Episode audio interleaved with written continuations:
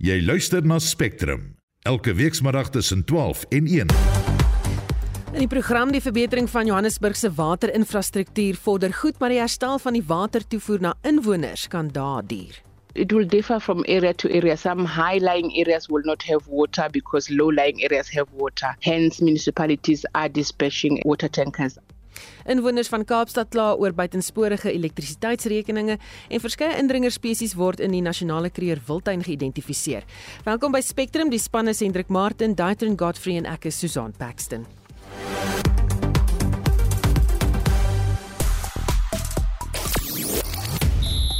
Die All Blacks maak vyf veranderinge vir die stryd teen die Bokke. Die Seeland betoon ook sy meegevoel na die afsterwe van Eben Etzebeth se pa.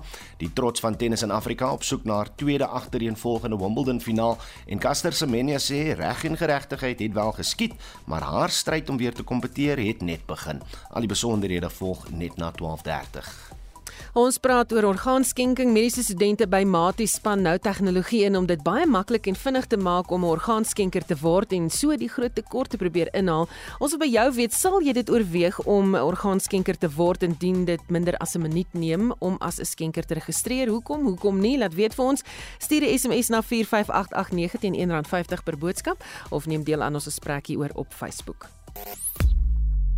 Jy luister na Spectrum elke weekmiddag tussen 12 en 1.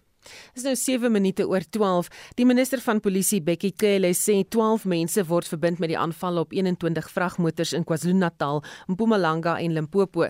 Die polisie glo die aanvalle waarin vragmotors sedert Saterdag aand aan die brand gesteek is, word vanuit KwaZulu-Natal gekoördineer.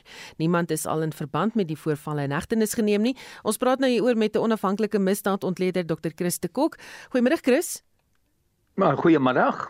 Die nasionale polisiekommissaris Fanny Masumela of Mesemola eerder sê die polisie het geweet van die beplande aanvalle, maar hulle het min besonderhede gehad. Herinner dit aan wat die polisie gesê het na die afloop van die Julie onrus? Ja, dit herinner baie sterk daaraan en dis amper ek ek wil amper sê dit is nou maar 'n sin wat gesê is want ek meen selfs ek kan gesê dat enige dag kan vragmotors uh, aan die brand gesteek word. Dit het nou al gebeur op verskeie tye uh ook tussen uh, in die in die Julie uh 21 uh onluste maar lank voor dit al begin. Ek sien almal verwys na 2018 maar ek verbeel my al daar was voor 2018 ook al voorvalle maar kom ons aanvaar nou maar 2018 as die begin van verskeie aanvalle. So ek kan ook as iemand vir my gevra het, jy nou vir my gevra dan kon ek ook uh gesê het ja nee ek verwag so iets. Hmm. Maar uh, maar, maar as ons intelligensie het, regte intelligensie, goeie intelligensie, dan behoort jy darm 'n idee te hê dat wat die klimaat op die oomblik is. Hmm. Dat mense baie ontevrede is en dat daar gepraat word ons moet maar die die die die, die, die regering luister net na geweld. Daarom moet ons vragmotors brand. En uh dan dan sal jy daai inligting hê en uh, jy mag miskien nie presies weet wie dit gaan doen nie want dit kan wees dat dit mense van 'n organisasie is wat nou maar hulle eie ding doen hmm. omdat die organisasie nie veel uh veel uh vordering maak nie. Maak dit jou bekommerd dat hulle min of meer geweet het en steeds nie opgetree het nie? Ja, dit maak my bekommerd. Dit maak my bekommerd dat jy dat hier 'n fenomeen is wat gaan vanaf 2018 en dat jy nie 'n projek het of 'n 'n 'n insamelingsprojek rondom die besondere probleem nie want dit is nie net 'n probleem wat 'n paar maatskappye raak nie. Hierdie ding ontwrig ons hooftoevoerroetes tussen Gauteng, tussen Johannesburg, Durban, Richards Bay en ander plekke. En terwyl hulle die inligting gehad het, dink jy dat hulle beter moes opgetree het intussen? Ja wel, ek sou sê selfs al na eerste voorval wat Sondag plaasgevind het. Selfs selfs na daai eerste voorval dink ek kon daar baie beter opgetree geword het. Punt nommer 1. Dit wil vir my voorkom of hierdie vragmotors op punte gebrand word waar hulle dan die pad versper eintlik. Soos die eerste wat ek gesien het by Van Renens is gebrand op 'n plek waar die pad baie nou is en waar jy as jy die vragmotor skynstrek en so aan en om aan die brand steek dan gaan jy die verkeer vir baie ure vertraag en veral ander vragmotors. So So hulle kon hulle kon die goed ontleed het en hulle kon dan gesê het waar langs die roete is plekke waar daar moontlik sulke brande kan plaasvind of goed aan die brand gesteek kan word. Verder kan jy tog 'n baie hoë sigbaarheid op daai roetes hê. Jy kan jou kleiner polisiestasies oral langs die pad kan jy mos uh mense kry om die pad te patrolleer. En dan as daar 'n voorval plaasvind, het jy dalk 'n baie beter kans om hierdie mense te arresteer. Hmm. So ek ek weet nie dit dit dit wil my net voorkom as asof daar nie werklike daadwerklike wil is nie. Ja. En die ander vraag is dink jy die polisie het werklik geweet?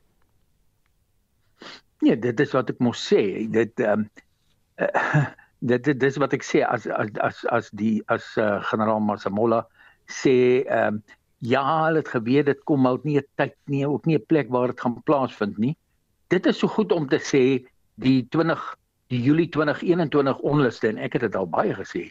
Die Julie 2021 onluste kan weer voorkom. Nou sien ek die minister sê nee, dit dit dit sal nie weer geplaas vind nie, want die polisie is beter voorberei. Maar is hulle so voorberei dat hulle gaan weet as so 'n ding besig is om beplan te word en dat dit gaan gebeur op 'n sekere tyd. Uh want want dan help dit ook nie hulle is voorberei as hulle eers begin optree nadat die daar byvoorbeeld uh plundering is nie.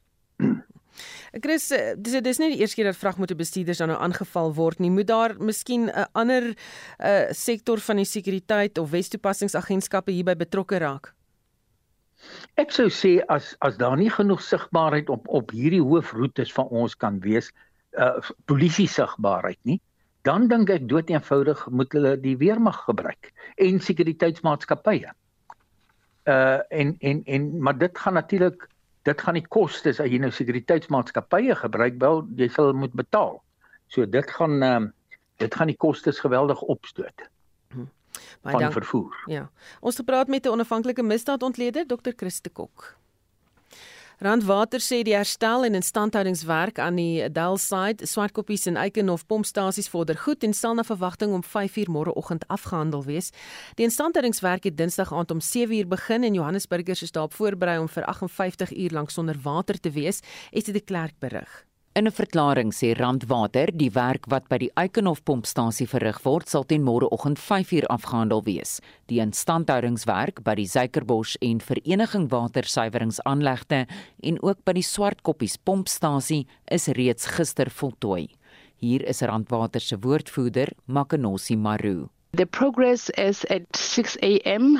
The team has worked overnight tirelessly Uh, we can report that Swarkopi's pumping station has started pumping to Yeovil and Marydale reservoirs. The work at Aikenhof pumping station is also progressing well. We are on schedule. We can also report that we met with City of Ekurhuleni and Joburg Water just to provide a progress report with regard to the planned maintenance. Meer as 130 woonbuurte in Johannesburg word deur die wateronderbreking geraak. Inwoners in sommige woonbuurte sê water in krane het heeltemal opgedroog terwyl ander sê watertoevoer is nog nie erg geraak nie. It will differ from area to area. Some high-lying areas will not have water because low-lying areas have water. Hence, municipalities are dispatching water tankers. I know for a fact that Joburg Water, they are dispatching water tankers. Maru sê hoewel al die herstel en instandhoudingswerk môreoggend afgehandel sal wees, moet inwoners nie verwag dat water onmiddellik beskikbaar gaan wees nie. We are confirming that we'll complete work on Friday, the 14th at 5 a.m. However, it does not mean that water will come out immediately. Remember, it takes time for us to fill up the reservoirs. So we are asking and really requesting that our clients who are municipal customers and residents to be patient up until we fill up the reservoirs. Water will start trickling in. Maru benadruk dat reservoirs tot 'n sekere persentasie opgevul moet word voordat water in stelsels vrygestel kan word. Johannesburg Water het vroeër in 'n kennisgewing gewaarsku dat die hersteltyd van die watertoevoerstelsels tussen 5 en 14 dae kan neem. It takes time for us to fill up all the reservoirs. When we say a reservoir is full, it's at 80%. So we're looking between 60 and 80%, we are comfortable that we'll be able to supply water. If we're at 40%, we'll still be able to supply, but we are really trying and striving to be between 60 and 80%. Dit was Randwater se woordvoerder Makenosi Maru. Ek is Estie de Klerk vir SAK nuus. Die veelbesproke Arto-wetgewing is hier om te bly. Die konstitusionele hof het beslis dat die grondwetlike en of dit is grondwetlik en wettig. Die organisasie teen die misbruik van belasting Alta sê hulle aanvaar die uitspraak, maar waarsku dat dit nie in Suid-Afrika gaan werk nie. Intussen gaan groot maatskappye voort met die opleiding van werknemers en vragmotorbestuurders. Upskill Academy is een van die plekke wat die opleiding bied en is nie noodwendig gekant teen die wetgewing nie. En vir my hieroor praat ons nou met een van die direkteure, Liesel Erasmus. Goeiemôre Liesel. Goeiemiddag. Susan, hoe gaan dit? Met my gaan dit goed. Wat dink julle van die uitspraak? Ek jy ons verstaan dat daar is baie negativiteit rondom aardto en dat die algemene opinie is dat die aardto proses nie sal werk nie. Alhoewel ons probeer egter kyk na die positiewe kenmerke wat verband hou met die nasionale stelsel. As jy tans 'n vloot bestuur, sal jy die frustrasies verstaan met die betrekking tot die verskillende prosesse en prosedures by die verskillende munisipaliteite reg oor Suid-Afrika. Uh sommige van hierdie prosesse tans behels om in rye te staan by howe om boetes in drywers se name oor te plaas, om te verminder, om te betaal. Um met aardtoe sal die proses van die boetes natuurlik makliker beheerbaar wees op 'n nasionale vlak. Jy sal nie net, jy weet, na aardtoe kantoor kan gaan um wat oopgemaak is reg oor Suid-Afrika toe nie, maar jy kan ook aanlyn of op die aardtoe app registreer en jou boetes so op 'n nasionale vlak beheer wat die boetes bestuur vir maatskappye en individu op nasionale vlak baie verbeter. Daar's diegene wat meen die wetgewing gaan nie werk nie. Kom ons luister gou wat sê advokaat Stefanie Fik van Alta. Nou moet ons maar voortploeg. Ons is nog steeds van mening dat hierdie gaan 'n administratiewe nagmerrie wees as dit uitgerol word. So ons ehm um, ons moet nou maar die motoriste help sodat hulle besef wat hulle regte is. Ons seker maak dat die regeringsinstansies die regte prosedures volg en dan sal ons kyk hoe lank hou hierdie R2 soort van prosedure. Sê vir my Liesel, sê my saam, is dit regtig so kompleks? Weet jy dit dit is 'n komplekse wet, maar as maatskappye hulle self reg voorberei en die regte opleiding en prosesse in plek sit aan die maatskappye se kant, dan behoort die die prosesse um eintlik redelik eenvoudig te wees. Dit gaan meer werk veroorsaak vir maatskappye en hulle gaan nou hulle prosedure moet verander om aan te pas by die wet. Um maar ek dink as dit van maatskappye se kant af ge, gedoen word dat dit reeds ofwel 'n suksesvol sal wees as die nodige opleiding prosesse en stelsels in plek gesit sal word. Nou van wanneer af gaan die wetgewing geld, weet ons? Uh weet jy ons werk baie nou saam met die die Road Traffic Agency, die RTIA. Um ek het gister 'n gesprek met hulle gehad. Hulle het my in kennis gestel gister dat al hulle stelsels ingereed was. Jy weet die laaste paar maande wat hulle gewag het vir die uitspraak, het hulle voortgegaan om hulle stelsels in plek te sit. So hulle is reg om uit te rol en aardto nasionaal te implementeer, maar ons het nog nie 'n beskikbare datum van implementering nie. Ek beoog dat hulle dit dalk binne die volgende paar weke uh bekend sal maak, maar ons het nog nie daai datum nie. So wat is die basiese reëls wat nou gaan geld? Okay, so basies wat aardtoe is die wetgewing wat bestuurders en motorvoertuie bestraf wat skuldig is aan verkeers- en padoortredings. So die groot gedeelte daarvan wat inkom is die stelsel van die demerit punte wat kan lei tot die opskorting en kansellasie van rybewyse. So hoe dit werk is dat elke persoon met 'n bestuurslisensie begin met 0 punte en vir elke oortreding ontvang jy dan 'n sekere aantal punte en dit hang af van wat die oortreding is. Jy weet as die oortreding 'n erger oortreding is soos oor 'n rooi robord ry, dan sal jy meer punte kry as miskien vir 'n parkering. Ehm um, dan sodra jy die punte drempel van 15 punte oorskry, sal jou lisensie vir 3 maande opgeskort word vir elke punt wat jy oorskry en dan na 3 opskortings sal jou rybewys gekanselleer word en dan sal jy 'n rehabilitasieprogram moet deurgaan um om dan jou lisensie weer terug te kry, jou rybewys terug te kry. Hmm. Sê vir my daar was nou al maatskappye wat opleiding ontvang het en begin het om die wetgewing toe te pas. Wat was hulle ervaring? Uh die wat wat nou al by ons opleiding gekry het, die ervaring wat opleiding aan hulle drywers ook spesifiek gegee het, het definitief 'n afname in verkeersboetes gesien um by hulle drywers omdat die drywers bewus gemaak is van die jy weet die na, nagevolge as hulle nie die wet um by by bly by die wet nie of die wet oortree wat die nagevolge is daarvan. So die maatskappye het um al was die uitspraak afhangend het hulle aangehou met die opleiding juis omdat hulle daai afname in verkeersboetes gesien het met hulle drywers wat die opleiding uh, deurgegaan het. So dit maak 'n groot positiewe impak op die maatskappy omdat hulle minder verkeer verkeersboetes het. Baie dankie. Dit was Liesel Erasmus, een van die direkteure by Upskill Academy wat hulle daarop toespits om opleiding te bied in die verstaan van nuwe wetgewing in die uh, werksplat of eerder die ARTU wetgewing. Die druk op adjunkpresident Paul Mashatile word al meer om te verduidelik waar sy luukse leefstyl vandaan kom. Dit na die jongste onthullings dat hy tuis gaan in 'n spogwoning van 37 miljoen rand wat deur sy seun en skoonseun besit word. Die huis is glo gefinansier deur 'n lening wat deur die maatskappy Nonkwelo Investments bekom is, maar daar steeds vra oor presies waar die geld vandaan gekom het. Die Die politieke ontleder van Akademia, professor Pieter Dievenaar gesê, tyd sal leer of Mashatile vervolg gaan word. Paul Mashatile het natuurlik baie voorbeelde van ander lede in die ANC wat ontsaglik ryk geword het en wat nooit behoorlik verantwoordelikheid geneem het vir die manier waarop hulle ryk geword het nie. Hy staan natuurlik in 'n lang tradisie daarvan. So ek dink nie hy gaan hom enigsins steur aan hierdie vereiste wat aan hom gestel word nie want daar's gewoon net nie die institusionele meganismes om iemand soos hy en die organisasie waartoe hy behoort om daar is nie die meganismes om dit aan te spreek nie gaan hierdie enigsins 'n impak hê byvoorbeeld op sy kanse om president te word uiteindelik? En dan natuurlik weet ons ook al hierdie politieke ry wat nou plaasvind voor 2024 so kan dit dalk ook jy weet 'n probleem wees vir die ANC dan nou later. Ek dink as mens nou kyk weer eens na die verlede, het figure soos Paul Mashatile nog altyd daarmee weggekom en dit het nie te sleg gegaan met die betrokke party nie.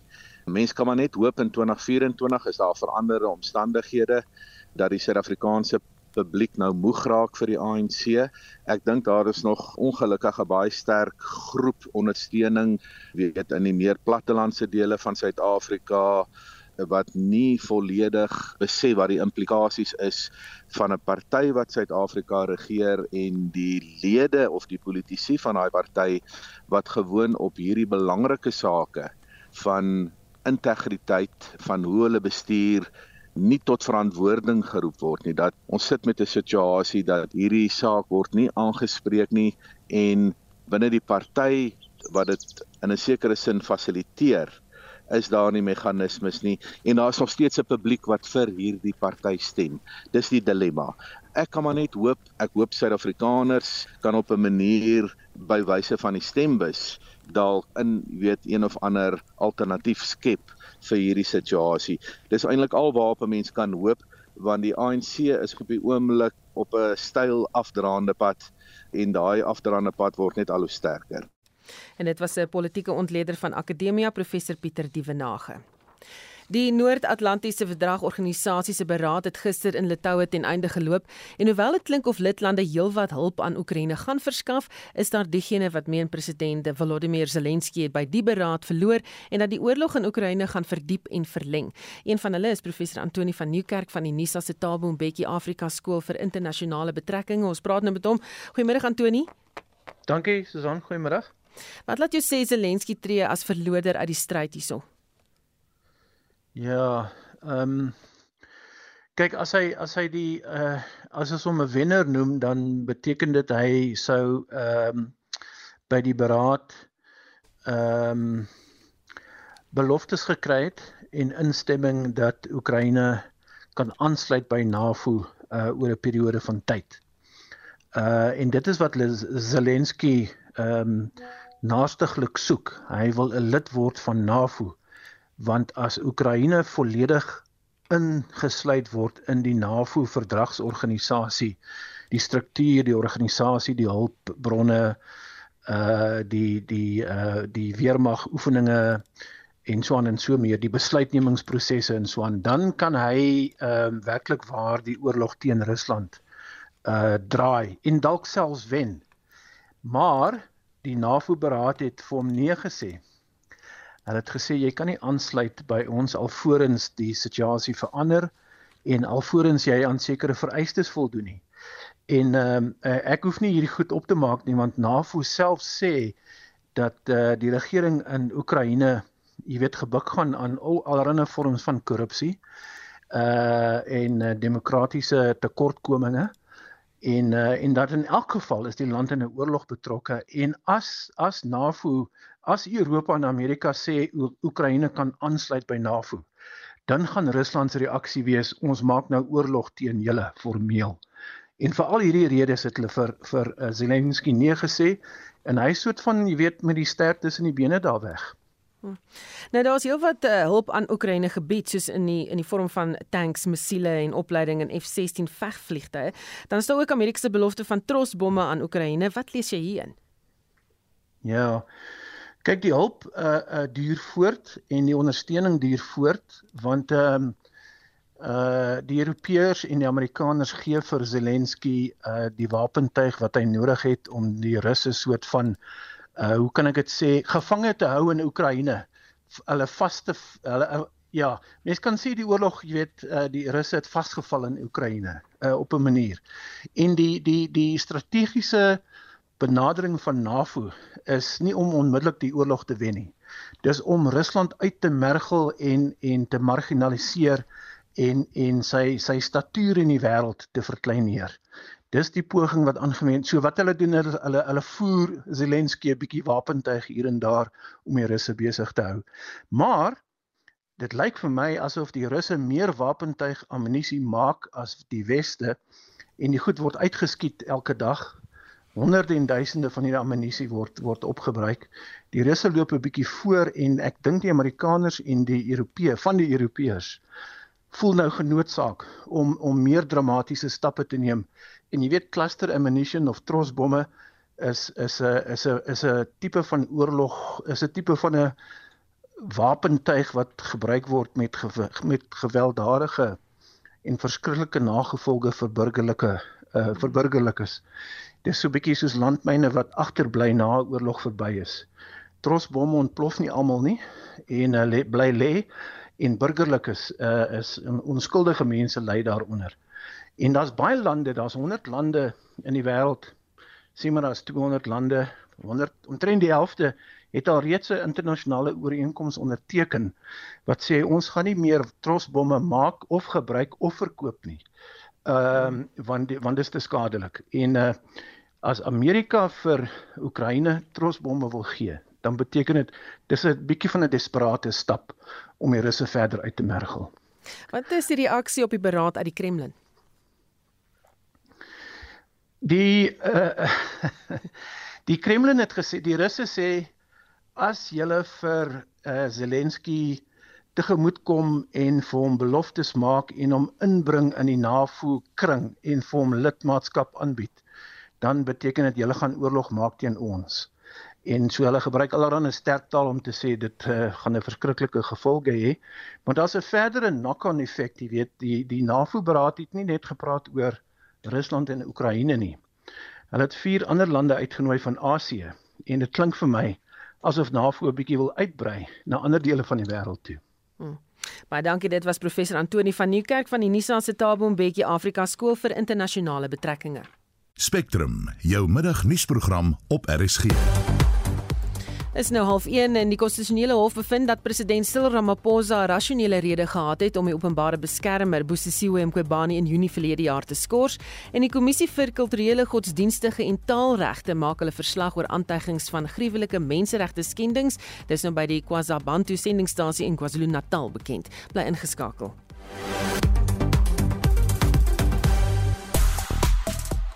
Ons vir jou gevra of jy 'n orgaanskenker uh, sal wil word as daar as jy dit binne 'n minuut kan doen.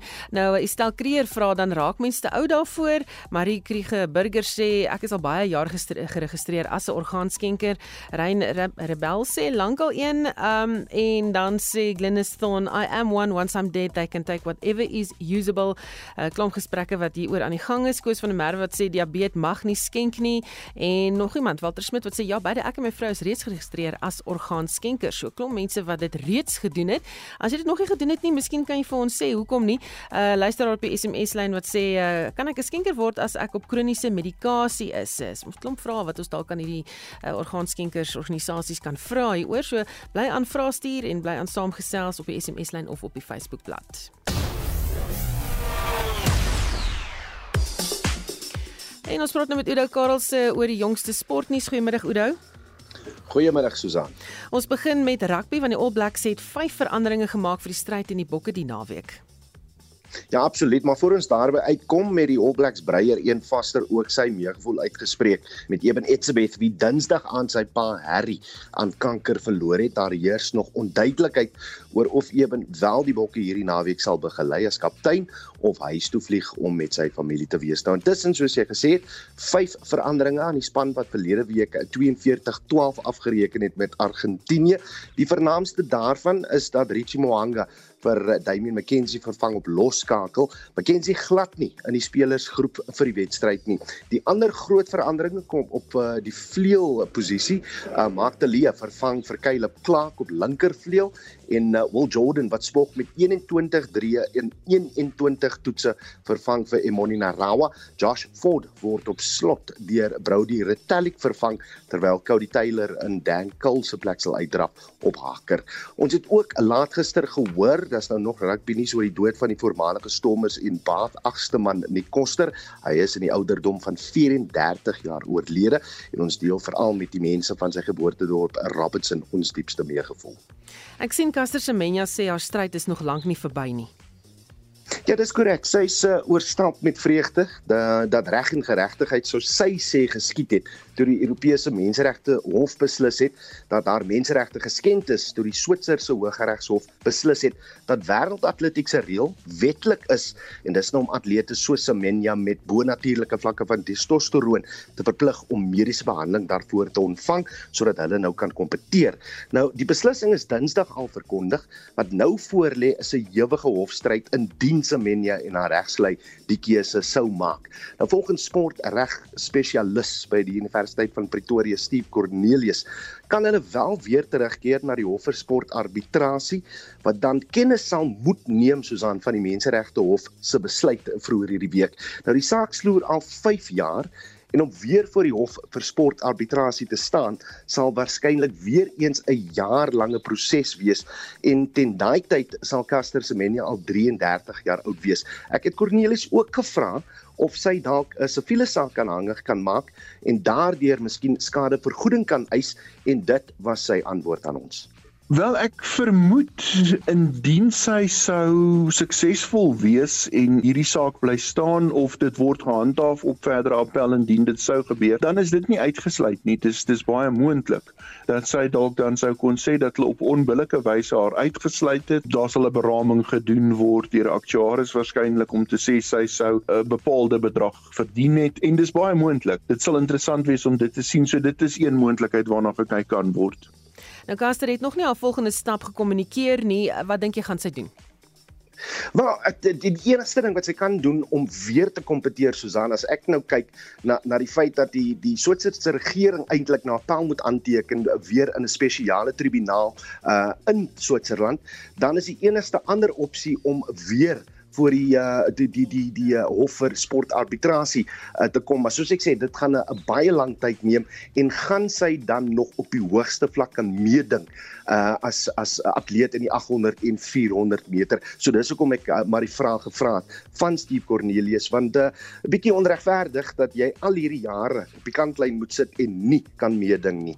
Uh net vinnig Susan in fietsry is dit die 12de skof van die Tour de France vandag, 'n 170 km skof tussen span en Boozaley, uh die Deen Jonas Wingegaard van die Jumbo Visma span nog steeds die houer van die geel trui daar. En uh, dan net in 'n brokkie cricket nuus om hier af te sluit. Dis dag 2 van die to uh, eerste toets tussen India en die Windies. Uh die Windies gister almal uit vir 150. Ravi Ashwin met 5 paaltjies, Ravindra Jadeja met 3. Dag 2 hervat 4 uur vanmiddag met India 80 sonder verlies. Uh Yashasvi uh, Jaiswal op 40 en Rohit Sharma op 30 nie uit nie. Dis dan al van my kant af. Ons sê dan middag aan verloots wat vir ons 'n voorsmaakie gee van wat vandag by Wimbledon plaasvind. Ja baie dankie Oudo, baie interessant ook om te luister na die verwikkelinge rondom Caster Semenya, maar daar's ook interessante verwikkelinge by Wimbledon en as ons net so 'n bietjie weier gooi daar van die hoofbaan en baan 1 se kant af oor Wimbledon, dan vind ons twee Suid-Afrikaners op die oomblik op baan 14 en baan 15. Dit is in die rolstoel halfeind stryde daar. Dit is Monchane in die rolstoel dubbels halfeind waar sy saam met haar eerste gekeerde maat Kamiji te staan kom teen Otani en Zhu en dit is 'n halfeind wedstryd daar waar die eerste gekeerde Suid-Afrikaner Mochani en haar dubbelspel maat op die oomblik voorloop met 2-1. Dan ook Suid-Afrika se Rampadi wat op die oomblik in die quad rolstoel dubbels 'n uh, halfeind wedstryd speel teen die wêreld se nommer 1 Schroeder en Fink en daar is Rampadi hulle is 'n bietjie in die moeilikheid. Hulle is agter stroop 5 daar in die eerste stel. So die twee Suid-Afrikaners op die oomblik in die halfeindstryde in hulle onderskeie dubbelspel rolstoelwedstryde. Nou ons het gepraat van groot groot opwinding bietjie later vandag by Wimbledon en dit sal so so 2 ure van nou af wees wanneer die twee halfeindstryde in die vroue enkelspel sal plaasvind en eerste op die baan sal dit wees Elina Svitolina wat te staan kom teen Marketa Vondrousova beide ongekeerde spelers maar Elina Svitolina wat tans baie baie goeie tennis speel sy het reeds 4 Grand Slam kampioene uitgeskakel asook die wêreld se nommer 1 op pad na die halfeind en sy kom te staan dan teen die linkshandige Tsjech Marketa Vondrouska in die eerste vroue halfeind enkelspel. In die tweede een bietjie later vandag ons Jabeur wat ook verlede jaar in die eind wedstryd gespeel het en daar verloor het. Sy speel teen die tweede gekeerde Aryna Sabalenka, beide van hulle op soek na hulle eerste Wimbledon titel. Dit is 'n bietjie later vandag. Dis die jongste vanaf Wimbledon, verloots vir RSG Sport.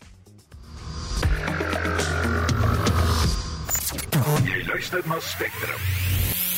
Op RSG So bykans 20 minute voor 1. Ekonomiese nuus: Inflasie in Amerika het in Junie op 3% te staan gekom, 1 persentasiepunt laer as in Mei. Dis goeie nuus vir ekonome daar en die Amerikaanse Federale Reservebank het aangedui dat hulle hoop dat die rentekoers binnekort sal kan begin daal.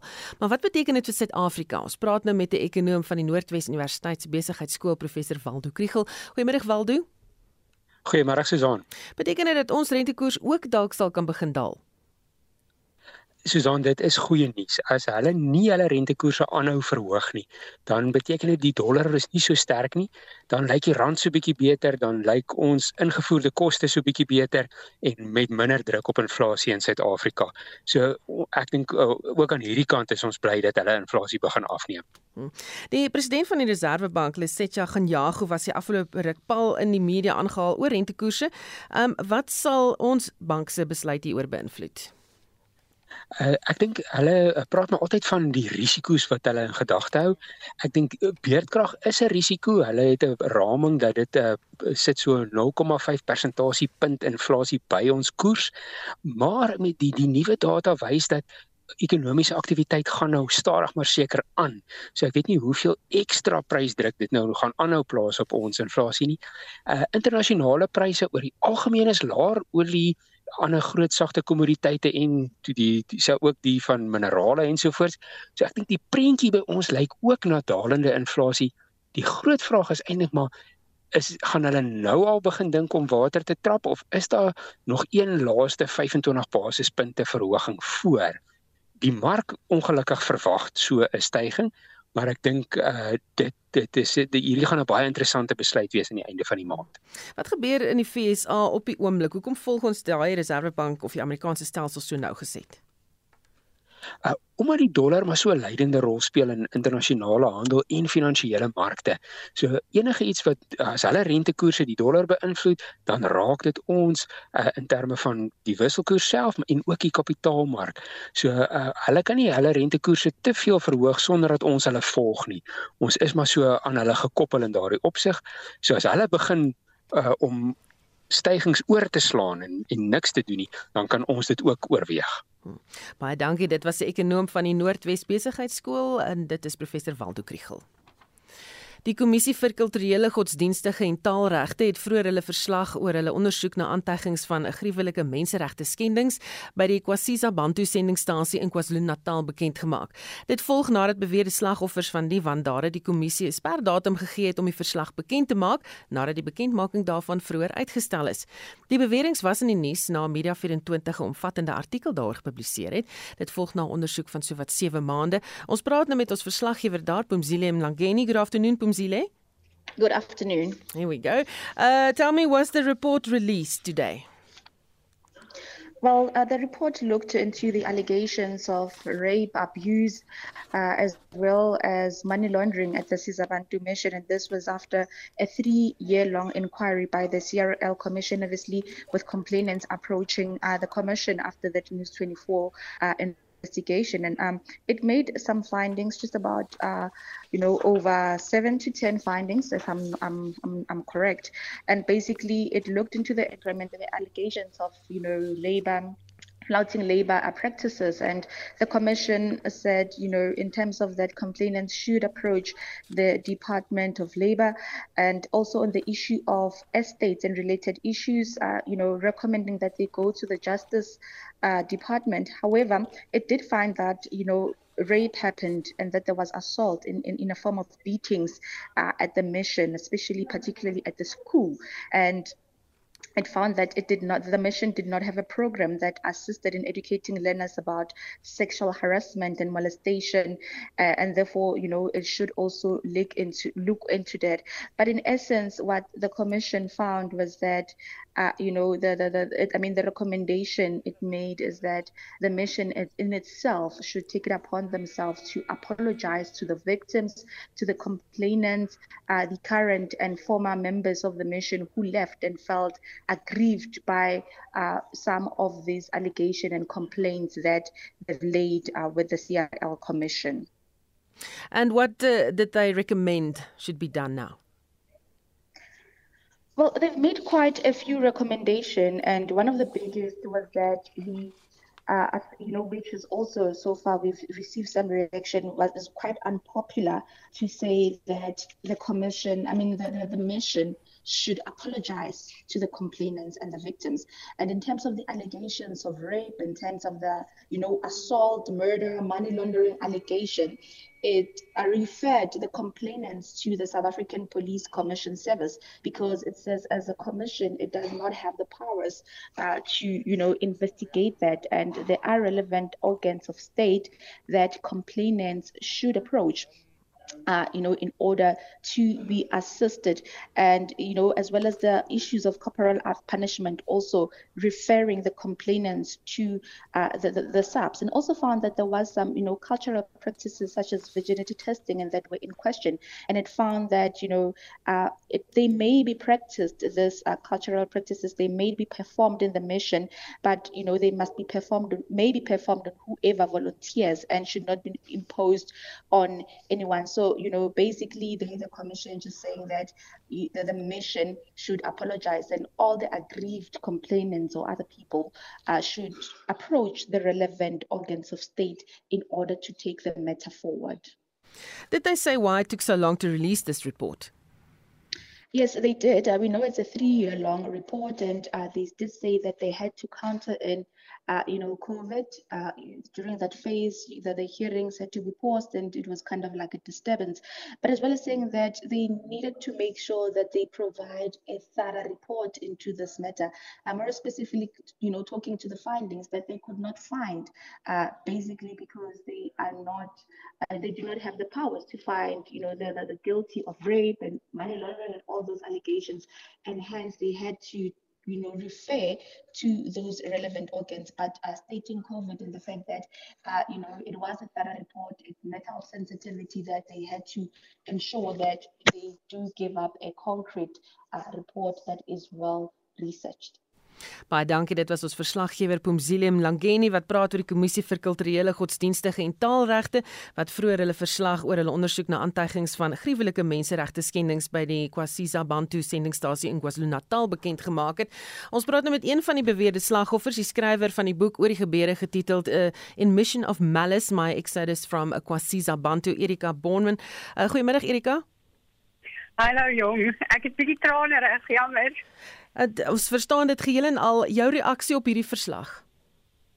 Ai man, die kommissaris wat toe terloops aquele waterbottels drink terwyl hulle hulle bevindinge oor kwaliteitsbantu bekend maak, sê regtig alles.